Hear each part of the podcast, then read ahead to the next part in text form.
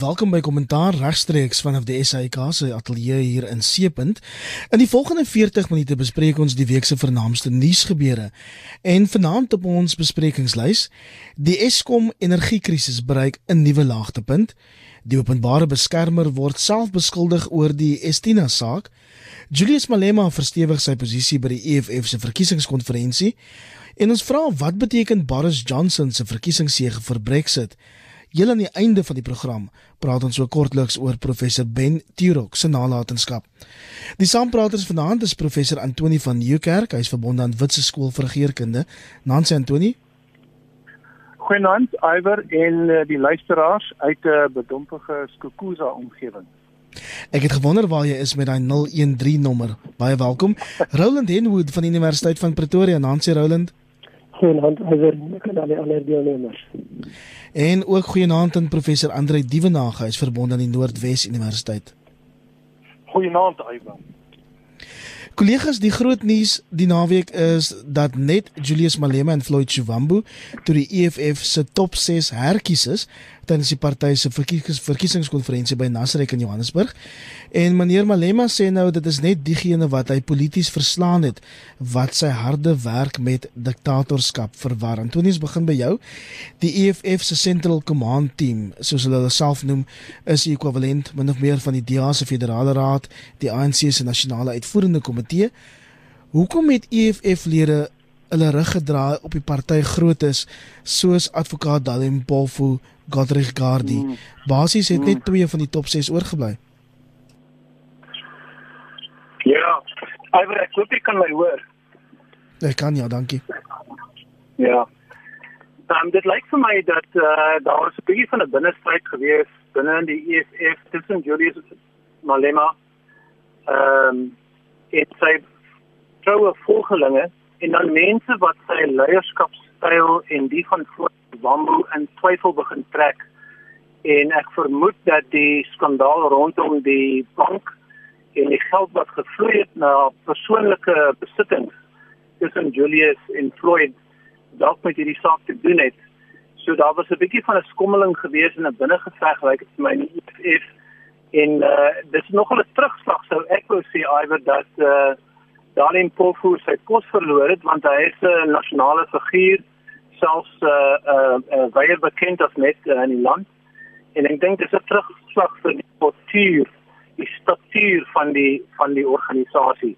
Ek is onbekend met die mense wat nou verkies is tot die uh, sentrale bestuur insluitende die vrou wat uh vir Dalempol vervang het. Maar ek moet sê ek het haar geluister op die radio. Sy klink asof sy 'n baie besliste en sterk stem het. So dis nie noodwendig dat kwaliteit agteruit gegaan het nie. Dis net dat 'n bietjie van die politieke verhoudinge binne in die party geskuif het. Maar is dis ongetwyfeld so dat Julius Malema nog stewig in die saal sit. Stewig in die saal en soos jy sê die res is onbekend, uh, maar duidelik bekend genoeg um, vir EFF EFF lede om vertroue in hulle te stel. So 'n nuwe sosialistiese EFF is dan die naweek gebore. Tussen al die uitsprake, die drama onder meer oor Helen Zille en AfriForum, is daar enigiets spesifiek of spesifieke nuwe uitkomste wat jou belangstelling geprikkel het Roland?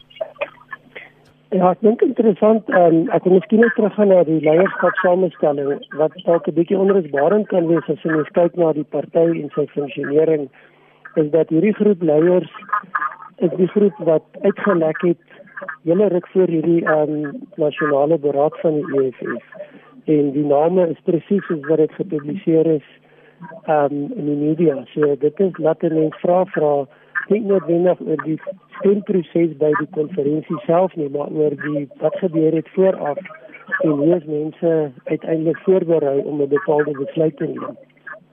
Ek dink as jy net daarby weg van daar weg beweeg na die EFF toe dan is daar baie gemengde boodskappe wat vir my uitkom uit die verskillende standpunte wat gestel is tot dusver deur EFF leierskap. En dit herinner 'n mens aan die een van die groot probleme van die EFF tot dusver en dit is dat daar baie dubbelpratery is, dat daar baie verwarring is. Dat daar nooit 'n klinkklare standpunt is wat eind uitvoer word deur almal nie. Um ja, die ou wat nou verwys na sommige van die goed, dis maar die ou punte waar die EFF leierskap fokus maar maar daar's nie 'n deurlopende en 'n en 'n ehm ja, 'n proses van van beleidsformulering wat oortuigend is en wat deurlopend is. Daai bondprater hy bly maar deel van die van die party se uitsprake en baie keer neig dit om bietjie meer ehm um, amper of hulle se bietjie meer gematig wil raak en dan skielik trek dit weer uit in 'n rigting van redelike radikale standpunt inname. So ek ek is op die stadium nog nie heeltemal seker van wat presies is die waarna hulle wil gaan. Ek wonder of Jackie my dalk kan help. Ek vermoed daar's 'n klanksteurnis op Antoni, professor Antoni van Nieuwkerk se lyn en um, ek wonder of ons hom nie kan terugbel nie. Ander intussen oor na jou.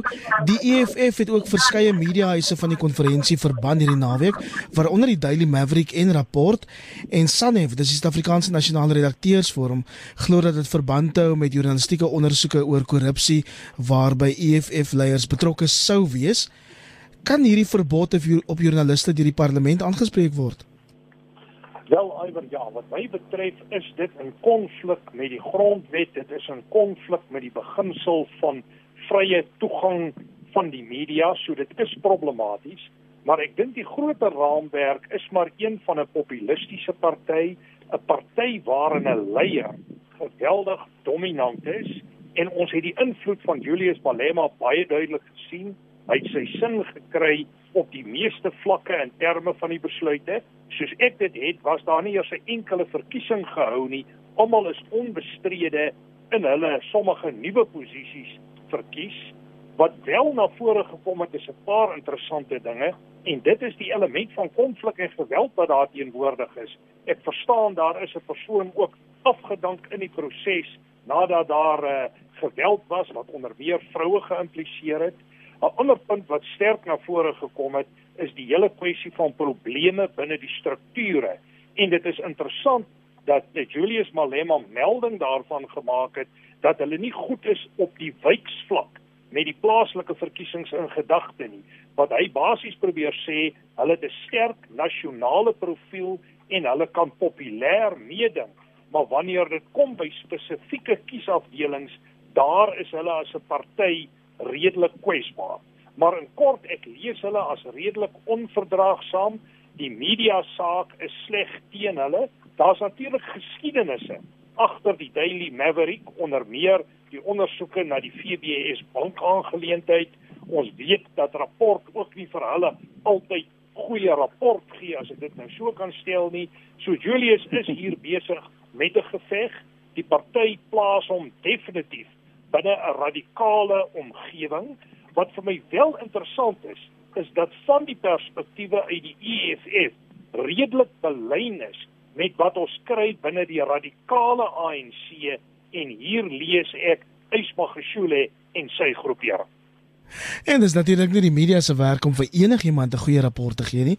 Antoni, wou jy bydra tot die EFF se besluit om sekere mediahuise van die konferensie te verban? Sjoe, weet jy Iwer, uh, ek dink uh, Andre staan die spyker op die kop. Dis 'n onverdraagsame party. Uh Julius het in sy toespraak uh duidelik gemaak dat hulle sosialistiese toekoms nastreef. Dis onduidelik hoe hulle op uh provinsiale en munisipale vlak te verkiesings gaan beveg in die komende jaar of 2. Uh dis eintlik maar 'n 10% party wat uh die radikale wat is 'n fringe uh groeperinge in die samelewing aantrek. Uh en deel van hierdie van hierdie storie is die die die onverdraagsaamheid teenoor die joernaliste in die media wat ehm um, vir die nasie uitwys uh wat die probleme binne in die party is. En dit ry dit uh, dis maar 'n rooi vlag wat uh, gehuis word en wat vir ons verduidelik dat ons baie versigtig moet wees met Julius Malema en Floyd. Hulle kan charismaties wees en aantreklik wees en hulle word gevoer met inligting van binne in die stelsel, die politieke stelsel. Wat onrusbarend is iwer met ander woorde Julius weet partykeer uh, dinge wat gaan gebeur die dag of twee voor dit gebeur. En dit beteken hy word gevoer met inligting vanuit die die die staatsdiens en die politieke omgewing en dalk nog soos Andre nou ook vir ons aandui dalk die eismaker so die faksie van die ANC. So daar's 'n sameloop van omstandighede. Ons sal maar ons oog moet hou op die manier waarop hierdie party vorentoe gaan uh gaan hulle uh, hulle reis onderneem En ek dink dit gaan moeilik wees iwer vir mense soos soos vir jou en vir kommentators soos ons om baie duidelik vir die nasie uit te wys waarvoor hierdie party eintlik staan. Roland Ja, dis interessant die debat as mens teruggaan na die media standpunt toe. Ehm daar's natuurlik twee maniere om daarna te kyk. Die een is dat dit 'n organisasie so die soos die EFF vrystaan om te besluit wie sy ehm um, vergaderings of sy perskonferensies of sy kongresse gaan bywoon. Die ander argument sê dat dit behoort vry vir almal ook te wees. Alle media moet toegelaat word. En dan is daar die argument wat jy opvolg dat indien dit nie gebeur nie, moet alle media hierdie ehm um, geleenthede boikot dit is moeilik vir my om om my kop te kry om die idee dat almal moet dit boikot. Ehm um, die beginsel en en daar's baie ander organisasies wat voorkeure het van watter media hulle verkies om daar te wees selfs baie keer beperkings plaas. Ek dink op die einde is dit waarskynlik meer tot nadeel van 'n party soos die EFF op die stadium as hy belangrike rolspelers in die hoofstroom media begin beperk. Want as ons gaan kyk na die eerste 2 en 'n half dae van hierdie konferensie is dit oorheers tot 'n baie groot mate deur die beriggewing oor die beperkings wat geplaas is eerder as as die ehm um, beriggewing oor wat eintlik die wat die EFF eintlik besig is om te doen.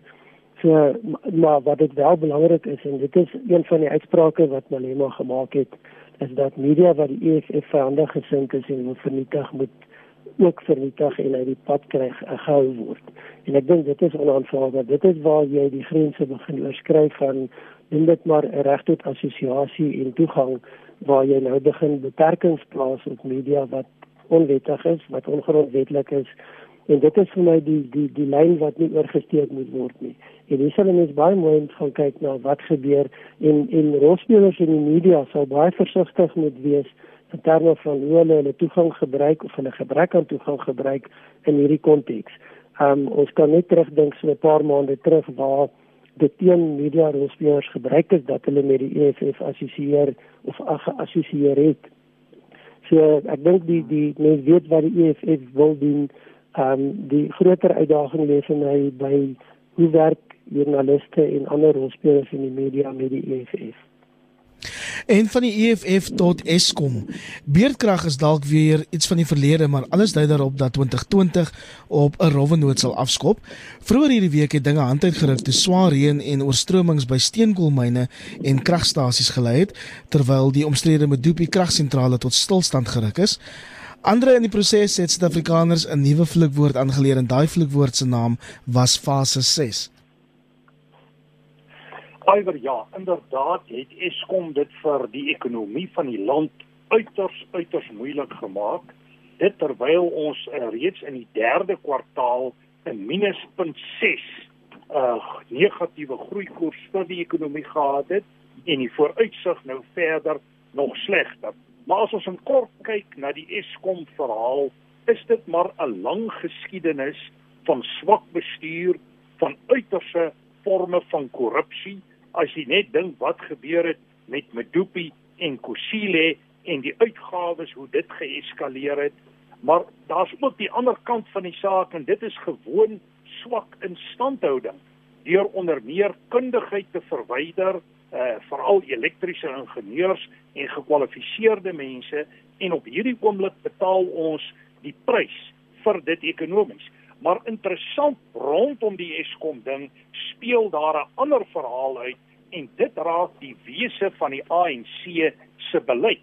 En ons weet die ANC se beleid is intern baie sterk ingestel op sentralisties, sosialistiese beheer, veral oor staatsondernemings moet daar uitgebreide en doelmatige beheer wees en dit lei nou tot ernstige probleme en op 'n manier word die Ramaphosa regering gedwing om meer privaat betrokkenheid by die kragvoorsiening te kry ten einde volhoubaarheid te verseker en ook ekonomiese groei en ontwikkeling te waarborg. En in daai sin word Eskom 'n baie belangrike toetssteen vir die ANC se beleid vorentoe, maar word dit ook gebruik in die faksiegevegte binne die ANC en dit is duidelik dat die Ysbagashule groep hulle posisioneer ten opsigte van 'n sekere lyn van denke ten opsigte van Eskom en dit is hier waar ons dieselfde tipe klanke ook gehoor het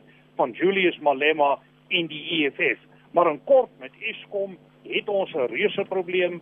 Ek dink dit gaan die ekonomie ten minste vir die vierde kwartaal baie negatief affekteer en soos een van my kollegas altyd sê, die grootste bedreiging vir Eskom op hierdie stadium is ekonomiese groei. Iemand se fone daar um, iets mee fout gegaan het sê dis op hold. Antonius, jy daar? Please wait. Your call has been placed on hold. Okay, like my Antonie, ons het Antonie verloor, is duidelik 'n fout met sy foon. Ehm, um, Roland, jy daar? Ja, ek ek dink as ons kyk na wat die week by Eskom gebeur het, dan is daar groter rede tot kommer as wat daar tot enige tyd tot op die stadium in Suid-Afrika was. Ehm um, een van die vrae wat toenemend by 'n mens begin opkom is hoe sleg gaan dit regtig by Eskom? En ek dink daar word nie heeltemal of daar is tot dusver nie heeltemal ook kaarte gespeel nie.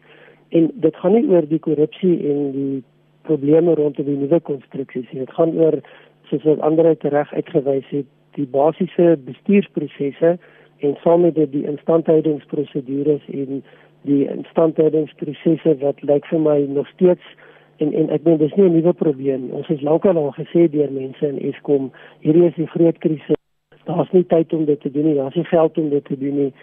Die probleem is Eskom lewer al minder en verkoop al minder krag en dit beteken daar is nie geld wat gaan inkom nie. Daar is nie net nie die om iets te doen nie. Ehm um, tot dusver en ek dink dit is die ander groot kwessie is die regering sal moet op 'n stadium besef dat dit wat hy tot dusver gedoen het die afgelope 20 jare het eenvoudig nie gewerk nie. So daar moet iets anders gebeur. En daai iets anders is nie iets wat jy net gaan regmaak deur te sê ons gaan 'n nuwe struktuur in terme van bestuur inbring nie. Die basiese vaardighede, die basiese kennis en die instandhoudingsproses moet in plek kom.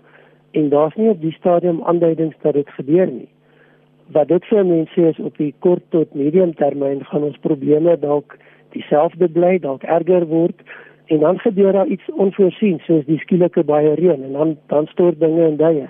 So Eskom is 'n baie groot probleem, dis 'n groot regeringsprobleem. Ehm um, dit gaan waarskynlik 'n groot politieke probleem word as daar nie baie drasties nie net anders gedink word nie, maar ook anders gedoen word. Antonie, jy terug kom jy met ons? Ja. Ja. Ehm um, ek ek wil met jou spesifiek praat oor president Ramaphosa se se aandeel in in die week se storie. Hy het beloof dat die ligte tot 13 Januarie ten minste sal brand, maar hy het ook aangevoer dat Eskom hierdie week gesaboteer is. Jou reaksie op die president se ingryping die week, ons weet hy het 'n oorseese besoek kort geknip om om en toe verander alles skielik. Ja, hy was op pad na Egipte toe waar hy 'n baie belangrike vergadering sou bywoon, die sogenaamde ASWAN forum oor vrede en ontwikkeling in Afrika. En uh Iwer dit was belangrik want Egipte is die voorsitter van die AU en ons neem by hulle oor volgende jaar. En uh, volgende maand, Januarie. Dis oor 2 of 3 weke. en hy sou nou daarso, jy weet, eerstehands uh, inligting gekry oor die kwessies in uh, op die kontinent en dit het nou nie lekker geloop nie want uh, die Eskom ding sal nou voor En ek wil net vinnig vir jou sê in die luister as die rede die rede kom ons so sukkel om my op die lyn te kry is dit was nou 'n donderstorm hier in Skokuza gewees en die krag is af. Ey. so uh, kom maar maar ek wil baie graag uh, as jy my nog kan hoor baie graag uh, net 'n politieke punt maak oor Cyril se deelname die president se deelname aan krisisbestuur. Dit wil amper voorkom asof sy amptenare hom nie heeltemal ingelig hou oor wat aan die gang is nie. Dis 'n bron van kommer want ons weet nou al dat die intelligensiedienste nie die vermoë het uh, of dit durwaag om die, die president van raad te bedien op 'n professionele manier nie. Uh, ek dink as jy praat van kragvoorsiening en die onderbreking daarvan dan praat ons van nasionale sekuriteit. En ek dink daar's 'n groter probleem. Ek dink Roland het dit uh, het dit genoem en ander uh, verwys ook so min of meer daarna. Uh en ek dink hierdie ding gaan op 'n spits gedryf word iwer want ehm um, die die manier waarop die staats is uh, die SOEs die wat is die Afrikaans staatsbeheerde ondernemings. Dankie. Ehm um, se toekoms voorlê hang af van hoe die ANC en die faksies daar binne met hierdie organisasies gaan deel. Weet jy daar's baie te sê vir die idee dat ons 'n uh, 'n treindiens het wat werk en mense bedien in die in die uh, plaaslike omgewing. Uh daar's baie te sê vir kragvoorsiening staatsbeheerde ondernemings vir die SAIK en so aan en so meer. Maar as die regerende party nie invloed kan uitoefen oor die bestuur daarvan op 'n professionele manier nie, dan moet daar radikale ander planne gesmee word. Die probleem met die president is dat hy binnekort oor 'n jaar of 2 gaan hy nou die ANC se se nasionale daar gaan 'n konferensie plaasvind waar die vraag gaan gevra gaan word volg die president die besluite van die regerende party noukeurig na en implementeer hy wat die regerende party vir hom sê om te doen. En ons weet nou dat die faksie binne die ANC wat aan die kant van Ys Magashule is en van die oorblysels van Zuma wat die staatsdiens uh uh uh korruptes was hierdie oomblik gaan gebruik om heel waarskynlik vir vir die president vir Cyril Ramaphosa by die knie af te sny of om te reduseer tot 'n tot 'n onwillige speler in die regerende party of om hom te verwyder heeltemal as die as die president van die ANC en dit beteken grootskaalse uh onstabiliteit in die middel van uh van van 2021 as ek die datum reg het. En so wat nou met gebeur met Eskom met Prasa met SAK met SAA ensovoorts is vir ons 'n rigtingwyser na wat voorlê polities uh vir die land. Ek vermoed ons gaan weer vroeg in Januarie daaroor praat. Ehm um, Eskom sê beerdkrag is intussen afgeskaf tydens die vakansie en die president beloof die ligte sal brand tot 13 Januarie ten minste voor beerdkrag weer oorweeg sal word. Ons gooi volgende draai in die buiteland en premier Boris Johnson sê sy verkiesingsoorwinning hierdie week gee oorweldigende mandaat om Brittanje se uittog uit Europa te voltooi. Dit na die konservatiewes hulle grootste oorwinning sedert Margaret Thatcher gevier het. Andre is Brexit dis nou 'n uitgemaakte saak soos ehm um, Boris Johnson reken of is dit nie so eenvoudig nie? Iwer, uh, ek dink uh, met die meerderheid wat uh, Boris Johnson oor beskik, ons praat van 364 setels teenoor die 203 van die arbeiders. En dit jy's heeltemal reg, dit is die grootste oorwinning sedert 1987. Met daardie tipe mandaat kan jy verwag dat Boris Johnson baie sterk gaan optree en die datum wat genoem word vir Brexit is 31 Januarie 2020 en ek dink ons kan verwag dat hy geen steen onaangeraak gaan laat om daar die proses deur te voer. Natuurlik moet ons dit plaas teen die agtergrond van ander momente in die Europese en wêreldpolitiek en dit hang saam met die opkoms van regse politiek en ook die opkoms van populistiese politiek. En wat in Europa en sekere omgewings daar gebeur het, speel nou ook sterk uit in Brittanje en is natuurlik ook 'n tendens in die VSA, Indië en 'n paar ander plekke. Ek dink op die oomblik is die Skotte en die Noord-Ire waarskynlik die mees ongemaklike met die verkiesingsuitslag, maar wat interessant is van hierdie verkiesing dat selfs in gevestigde arbeiders omgewings soos daar waar daar myn omgewings is en so meer het die konservatiewes gewen. So ek dink meneer Boris Johnson gaan slaap op die oomblik baie gelukkig.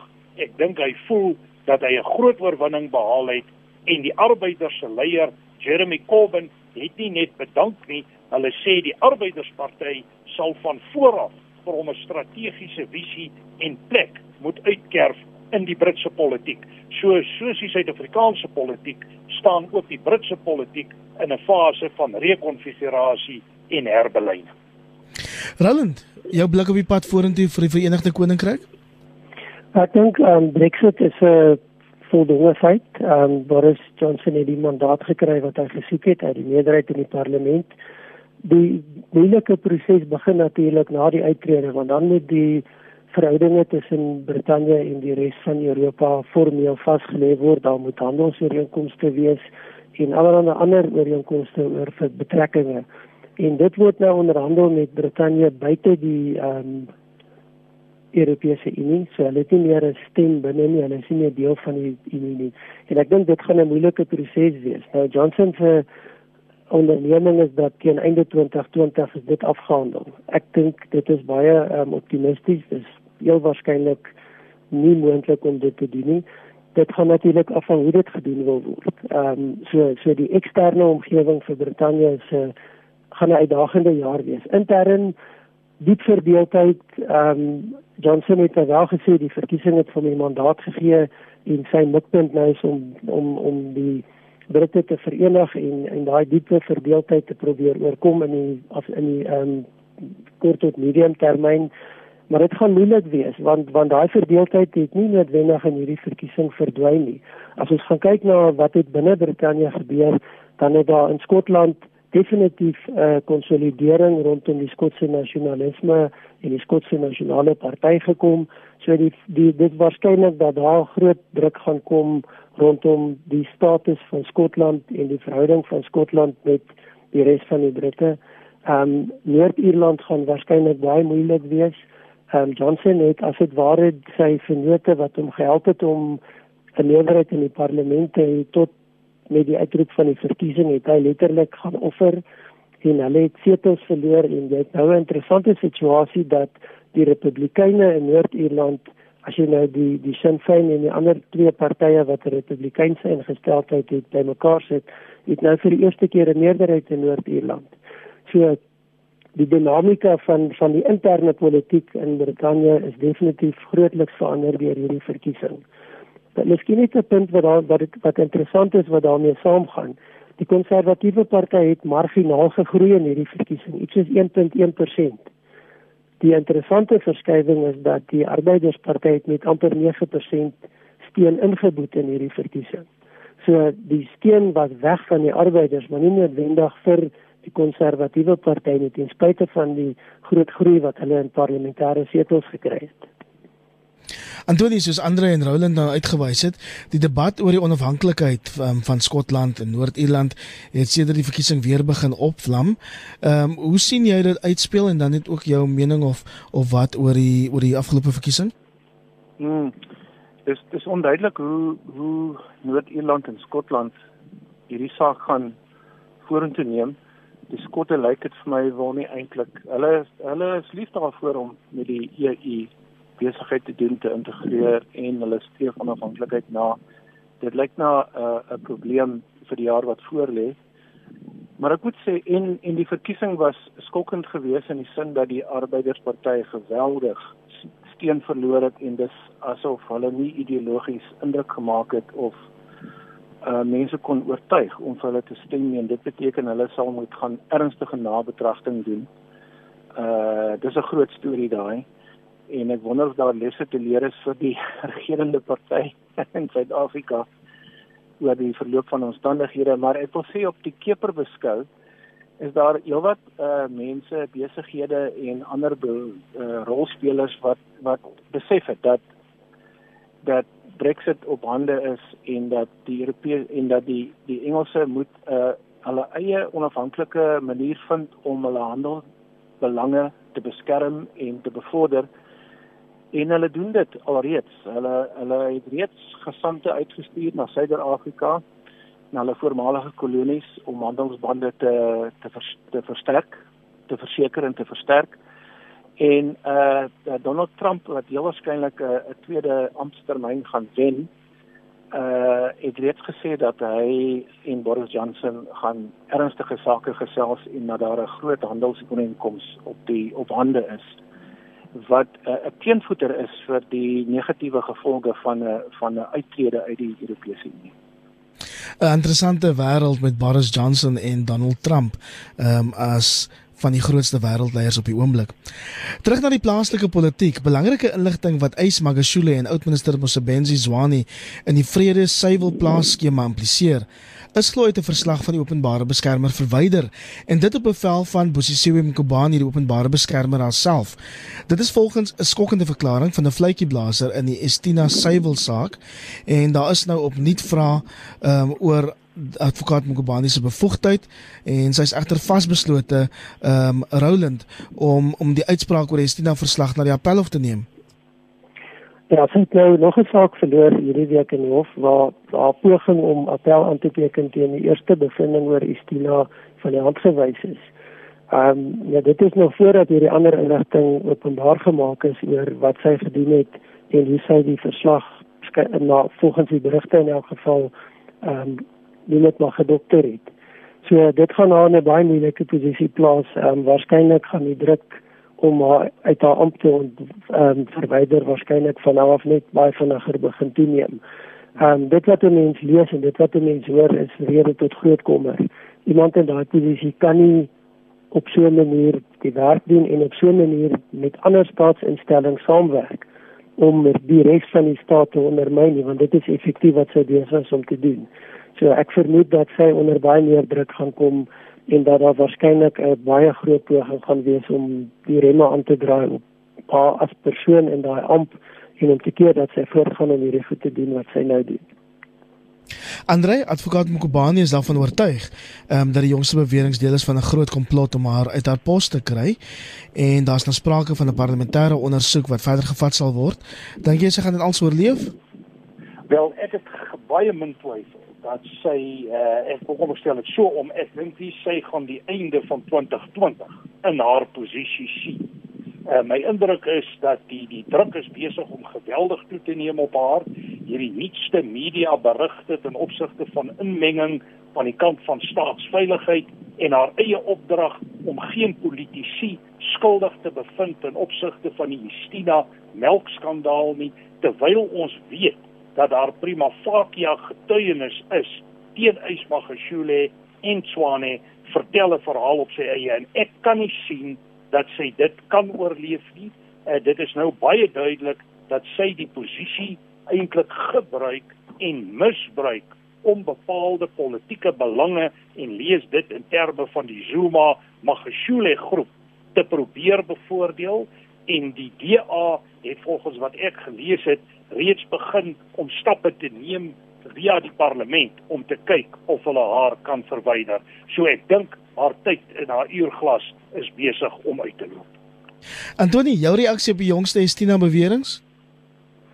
Ja, weet jy, Iwer, uh, ek weet nie of sy bevoeg is of onbevoeg nie. Maar wat ek wel weet is dat sy nie onafhanklik optree nie. En dit is baie duidelik wat die grondwet skrywers bedoel het toe hulle die die pos geskep het van die openbare beskermer. Uh die rol wat die persoon in die kantoor moet speel uh om sonder vrees uh of vooroordeel uh te luister na klagtes oor die wanaanwending van mag of mag magsmisbruik uh of korrupsie. En daar en die eerste twee openbare beskermers het hulle werk, het hulle goed van hulle werk getwyt en is hoë standaard gestel.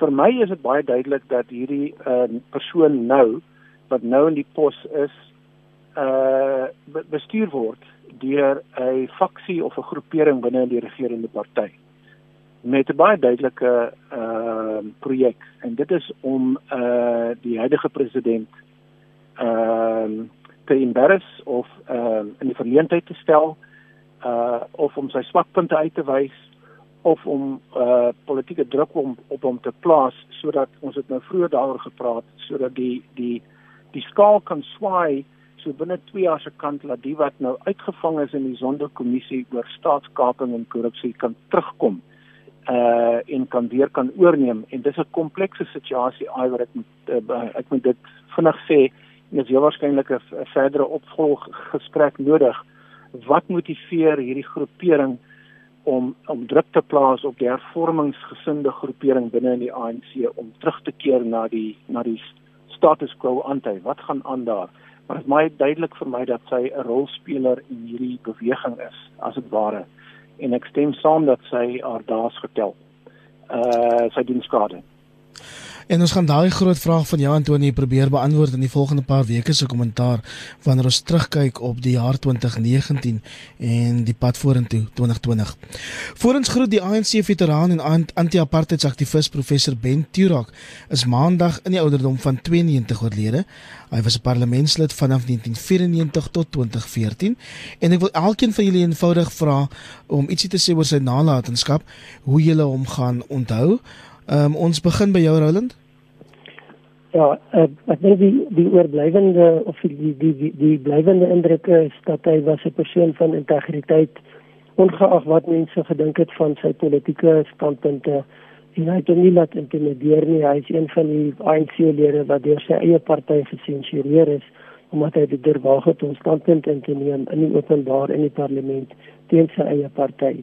So sy integriteit en sy verbintenis aan sy beginsels het hy nooit van afstand gedoen nie.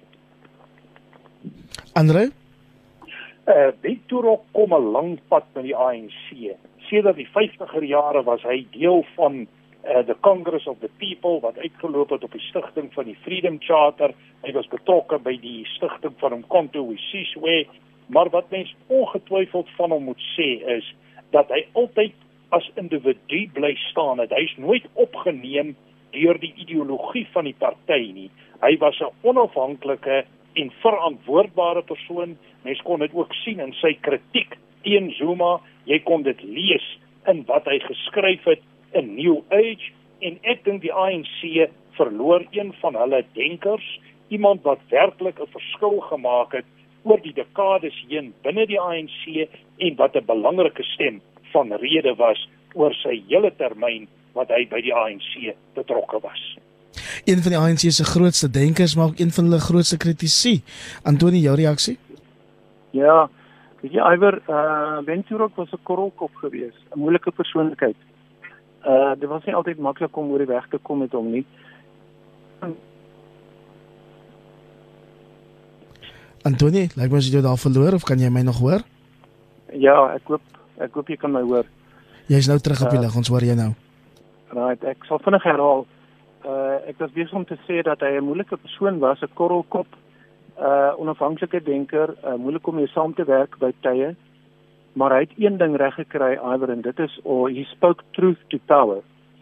En uh ek weet nie ons mense dit kan vertaal nie, maar hy was nie bang om te sê waar die regerende party die pad verloor of byster geraak het nie. En vir my uh, het hy 'n rolmodel geword in die vermoë wat hy by ander mense aangevuur het of aangewakker het om om die om die waarheid te vertel. En dit was 'n fantastiese ding geweest. Dis sy nalatenskap vir my. Kollegas, dit bring ons aan die einde van vanaand se kommentaar. Baie baie dankie vir julle deelname. Professor Antoni van Nieuwkerk van Witse Skool vir Regeringskunde. Dankie Antoni. Dankie Iwer en luisteraars. Goeienaand. Roland Henwood van die Universiteit van Pretoria. Dankie Roland. Dankie. Goeienaand almal en professor Andre Dievenage van die Noordwes Universiteit. Dankie Iver. Van my Iver Price, lekker week verder.